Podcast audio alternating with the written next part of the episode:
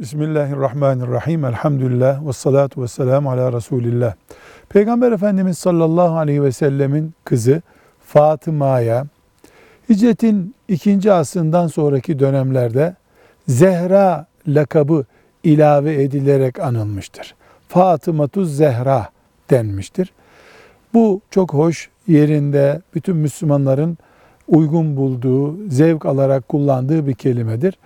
Zehra gibi bir kelime olarak tek başına da isim şeklinde kullanılabilir. Müslümanlardan birisi kızına Fatıma Zehra diye isim de verebilir. Bunda bir sakınca yoktur. Velhamdülillahi Rabbil Alemin.